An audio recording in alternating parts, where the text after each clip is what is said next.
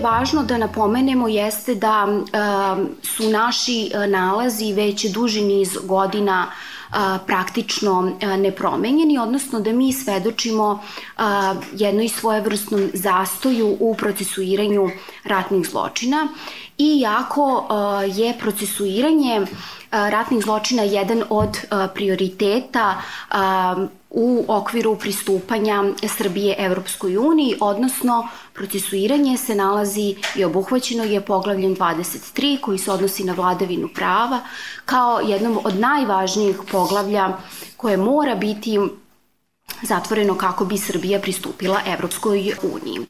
Procesuiranje, kako je već rekla Ivana, ratnih zločina je važno pitanje za Evropsku uniju jer je za nas ključni stup vladavine prava, međunarodnog, e, međunarodne krivične pravde i međunarodnog humanitarnog prava. I uprkos u sukobima koji su okončani previše od tri decenije, to nije pitanje koje želimo da zaboravimo, posebno u pogledu žrtava, njihovih porodica i onih koji su još uvek nestali. Pričali smo o poglavlju 23, to je takozvani deo vladavine prava i gde imamo takozvane prelazne mere. I od tih 20 prelaznih mera koje imamo u, za reformu pravosuđa, šest se odnosi za uh, ratne, na ratne zločine. To znači skoro 30% standarda neophodnih u toj oblasti treba da se ispuni uh, kroz procesuirana ratnih zločina, podršku žrtvama, kao i pronalaženje posmrtnih ostataka nestalih kako bi Srbija mogla da se približi zatvaranju tog poglavlja 23. I uprkos usvajanju dve nacionalne strategije za procesuiranje ratnih zločina, zločina u posljednjih šest godina i takođe povećanju broja zamenika u tužilaštvu za ratne zločine, Srbija je nažalost izuzetno spora e, u procesuiranju ovih predmeta. Kao što se navodi u najnovijoj nacionalnih strategiji, postoji još 1731 nerešen predmet u predistražnoj fazi. I poštovanje i praćanje mehanizma za krivične sudove tek treba da usledi, a primetili smo i konstantan porast poveličanje osuđenih ratnih zločinaca. Šta više, u Srbiji je takođe, nažalost, uvek prisutno i negiranje genocida u Srebrenici. Nažalost, današnji izveštaj ne menja zabrinjavajuće viđenje napretka u ovoj oblasti. Fond je primetio opadanje broja optužnica koje se podižu protiv sve manjeg broja usumnjućenih. Takođe, veći je broj procesuiranih predmeta koje se prenose iz Bosne i Hercegovine, a manji je broj predmeta pokrenut od strane domaćih organa. Kako razumemo, samo tri takve optužnice su podignute u 2021. godini. I ovo je stvarno zabranjavajući loš trend za koji se nadamo da će se ove godine promeniti. Iza nas su sva pitanja i sad ću se vratiti na početak koje se danas postavljaju derek deo šireg ključnog pitanja prevazilaženja nasleđa prošlosti u okviru napora za regionalno pomirenje kom već stvarno dugo težimo. Srbija jeste u obavezi da intenzivira procesuiranje ratnih zločina.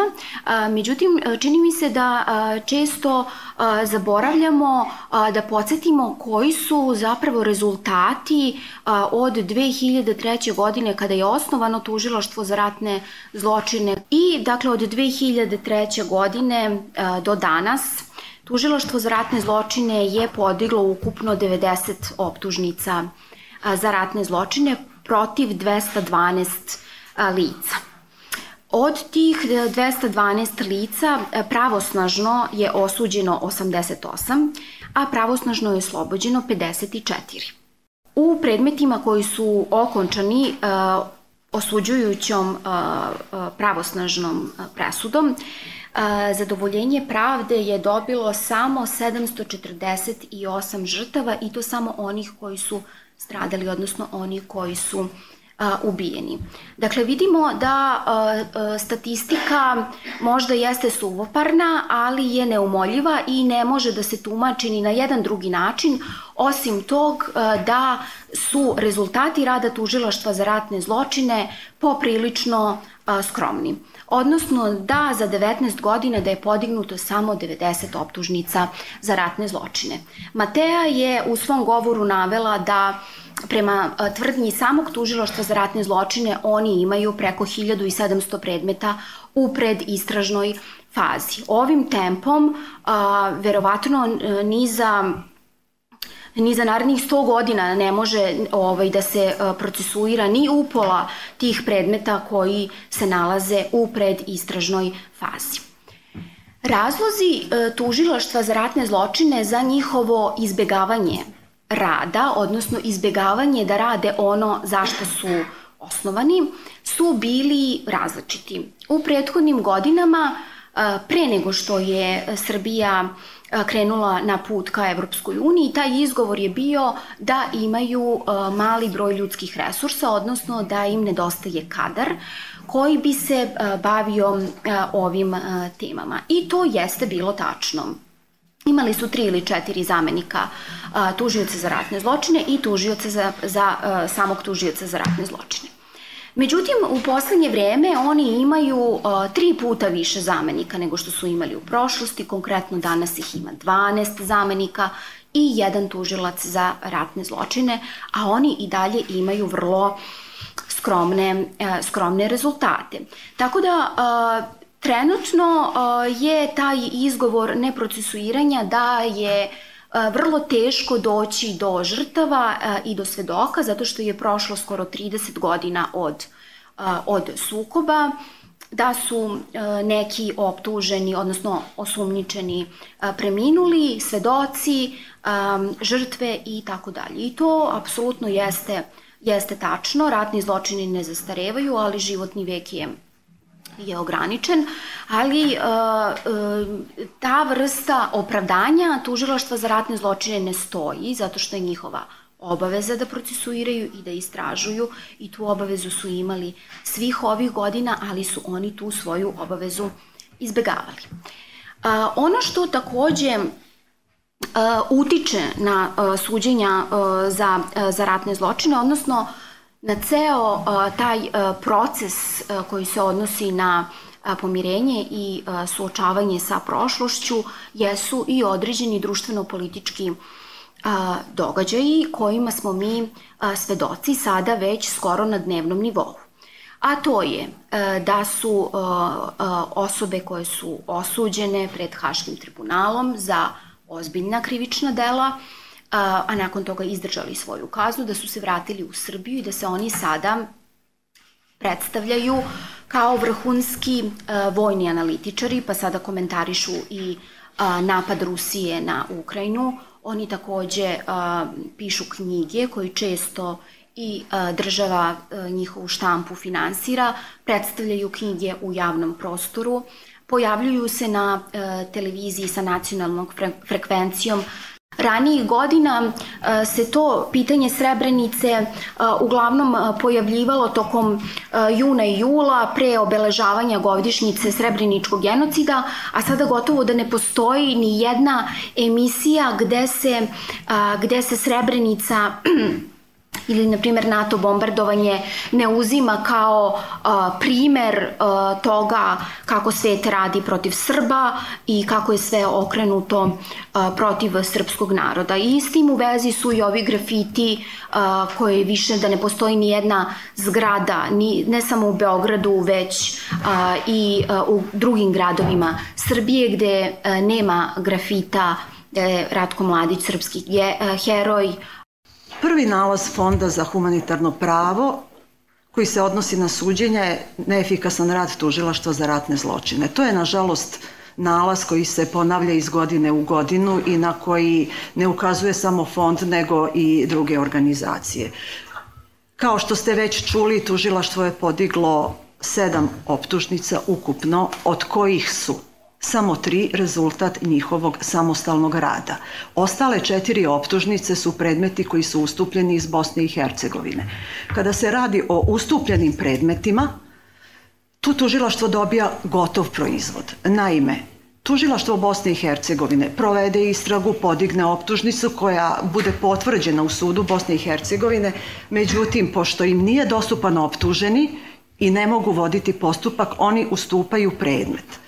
Tako da je naše tužilaštvo tokom prošle godine sa 12 zamenika imalo samo tri samostalne optužnice. Takav rad tužilaštva je veoma, veoma zabrinjavajući, pogotovo kada imamo u vidu i činjenicu da u protekle tri godine mi imamo stalno manji broj ukupnih optužnica, sve ukupnih, nego što imamo broj zamenika. I prošle godine je bilo 7, 20. 7, 19. 3. Ako pogledamo period koji je obuhvaćen e, prvom nacionalnom strategijom, period od e, početka 2016. pa sve do kraja 2021. to je punih šest godina. Tužilaštvo za ratne zločine je podiglo neposrednih svojih samostalnih samo 11 optužnica.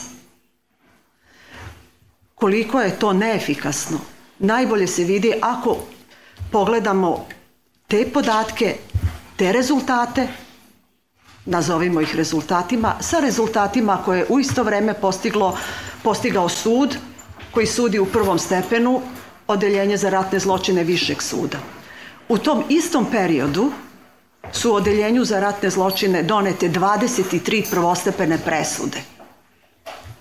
U tom odeljenju je samo šest sudija – mnogo manje nego zamenika, doneto je više nego duplo presuda, s tim da moramo imati u vidu da je tužilaštvu jedini zadatak podizanje optužnica, dok sve sudije iz odeljenja za ratne zločine, pored predmeta ratnih zločina, u isto vreme svi do jednog sude i u postupcima organizovanog kriminala.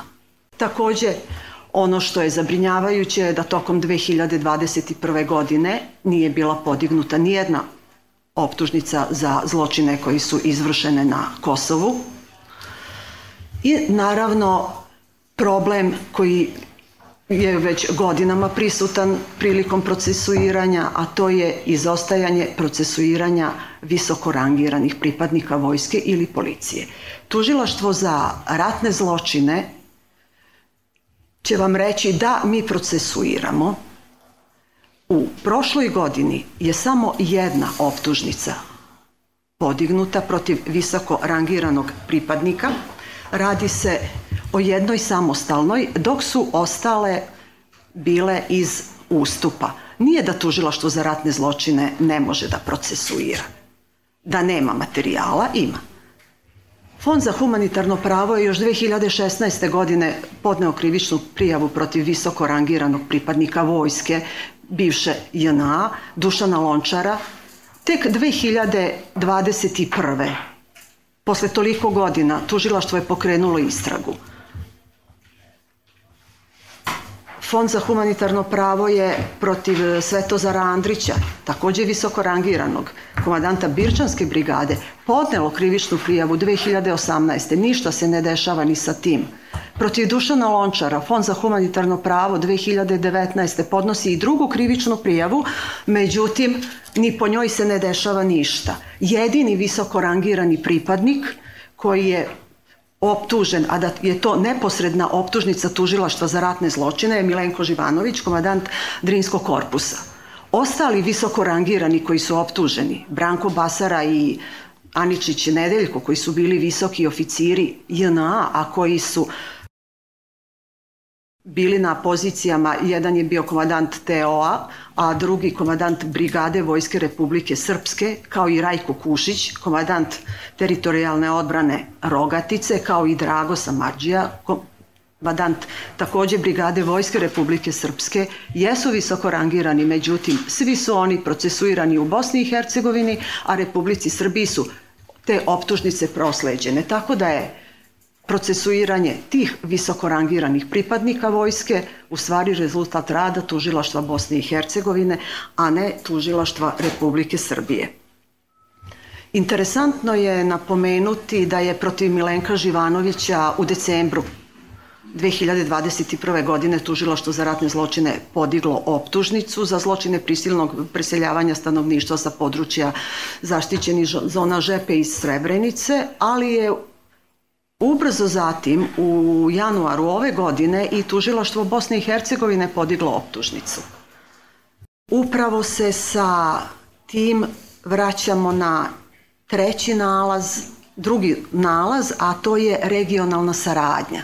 Mi imamo situaciju da su mesta izvršenja zločina, počinioci, žrtve i svedoci sada na teritorijama različitih država, da ni Bosna, ni Hrvatska, ni Srbija ne izručuju svoje državljane, tako da je jedini način da se efikasno stane na put nekažnjivosti regionalna saradnja.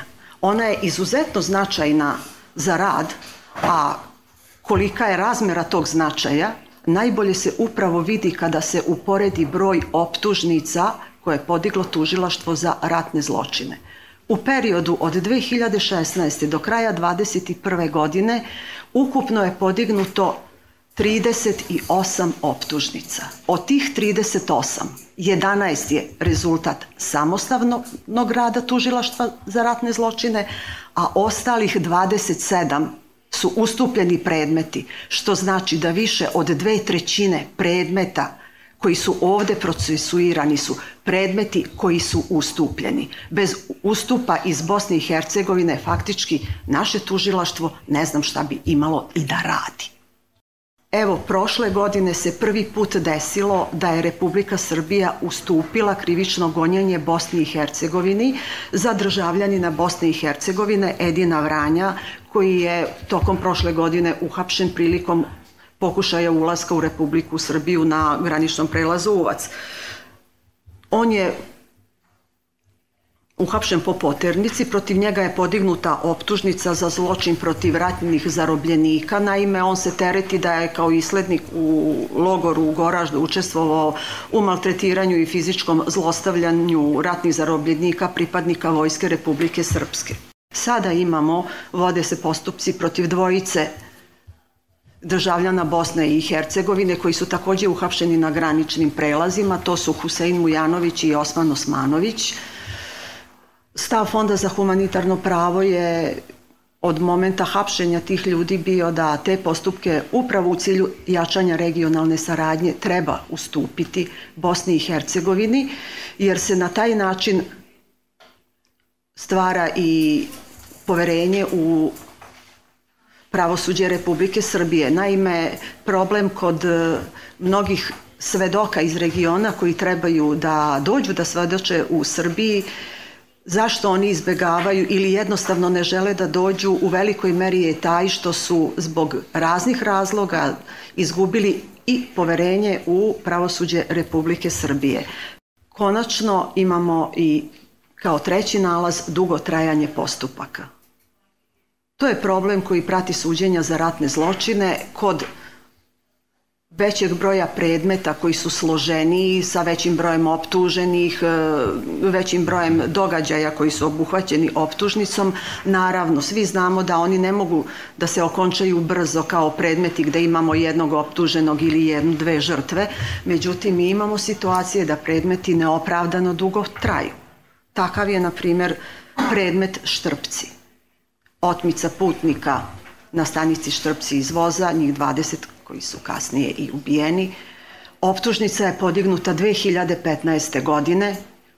U isto vreme i Bosna i Hercegovina procesuirala odgovorne za taj zločin na svojoj teritoriji, međutim mi smo u Srbiji pune tri godine čekali da se takva optužnica potvrdi. Optužnica je dva puta vraćana tužilaštvu zbog dopune istrage i nažalost osam puta je vraćana samo da bi se ispunili formalno procesni nedostaci, odnosno da bi optužnica bila napisana u skladu sa odredbama zakonika o krivičnom postupku. Evo, već sedam godina nakon podizanja optužnice mi se nalazimo u fazi prvostepenog postupka, još uvek traje glavni pretres. Imamo I drugi veoma značajan, obiman predmet, to je predmet Srebrenica. I tu je optužnica podignuta još davne 2015. godine. Glavni pretres je u toku, prvostepeni postupak traje. U ovom postupku imamo jednog optuženog koji je postao procesno nesposoban. Bilo je odlaganja suđenja iz razloga što je pre svega optužnica podignuta u vreme kada tužilaštvo za ratne zločine nije imalo tužioca, pa je odbrana sa punim pravom prigovarala takvoj optužnici. O tim prigovorima je odlučivao apelacioni sud. Zbog neodgovornosti apelacionog suda dva puta smo bili u situaciji da na suđenje dolaze članovi porodica žrtava iz Bosne i Hercegovine i da predsjednica sudskog veća mora da saopšti ljudima da se glavni pretres ne može održati zato što ona fizički u rukama nema predmet jer apelacioni sud uopšte nije vodio računa o terminima kada su ti glavni pretresi zakazani.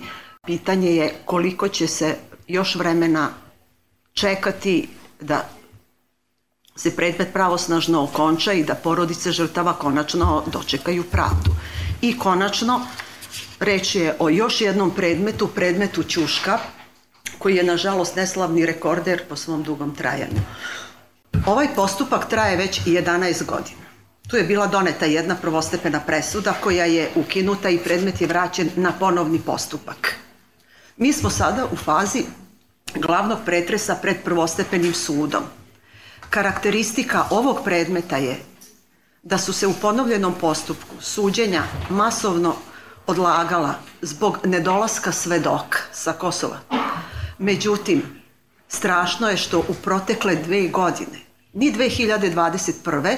ni 2020. godine, u ovom postupku nije održan ni jedan zakazani glavni pretres. Znači imamo dve godine kada se u ovom postupku ne dešava apsolutno ništa.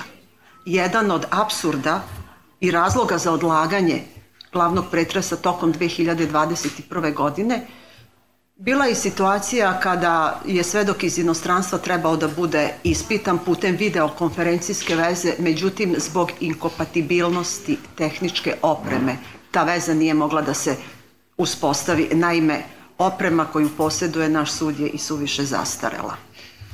Kako pokazuju statistički podaci, nama umiru optuženi, postaju procesno nesposobni, identična situacija je i sa žrtvama i svedocima i bojimo se da će ovakvim tempom, ako ne dođe do neke drastične promene, Republika Srbija biti u situaciji pod broj 1 da nema kome da sudi i da nema svedoka koji su u predmetima ratnih zločina često jedino dokazno sredstvo. Davor Lukač, agencija Fonet. E, pomenuli ste, za pitanje za gospođu Žanić, pomenuli ste problem e, što osuđivani za ratne zločine nastupaju po televizijama s nacionalnom frekvencijom. Da li postoji neki domaći zakon ili međunarodni ili pravilo Haškog tribunala da im je to zabranjeno? I da li to znači da ćete im zabraniti da se voze u gradskom prevozu i recimo ja srećem često jednog od osuđenih koji se vozi autobusnog gradskog prevoza. Dokle tu se poštuje pravo i da li se krše njihova ljudska prava? Mislim da je ovo vezano za uh, gradski prevoz ipak ovaj preterana uh, konstatacija.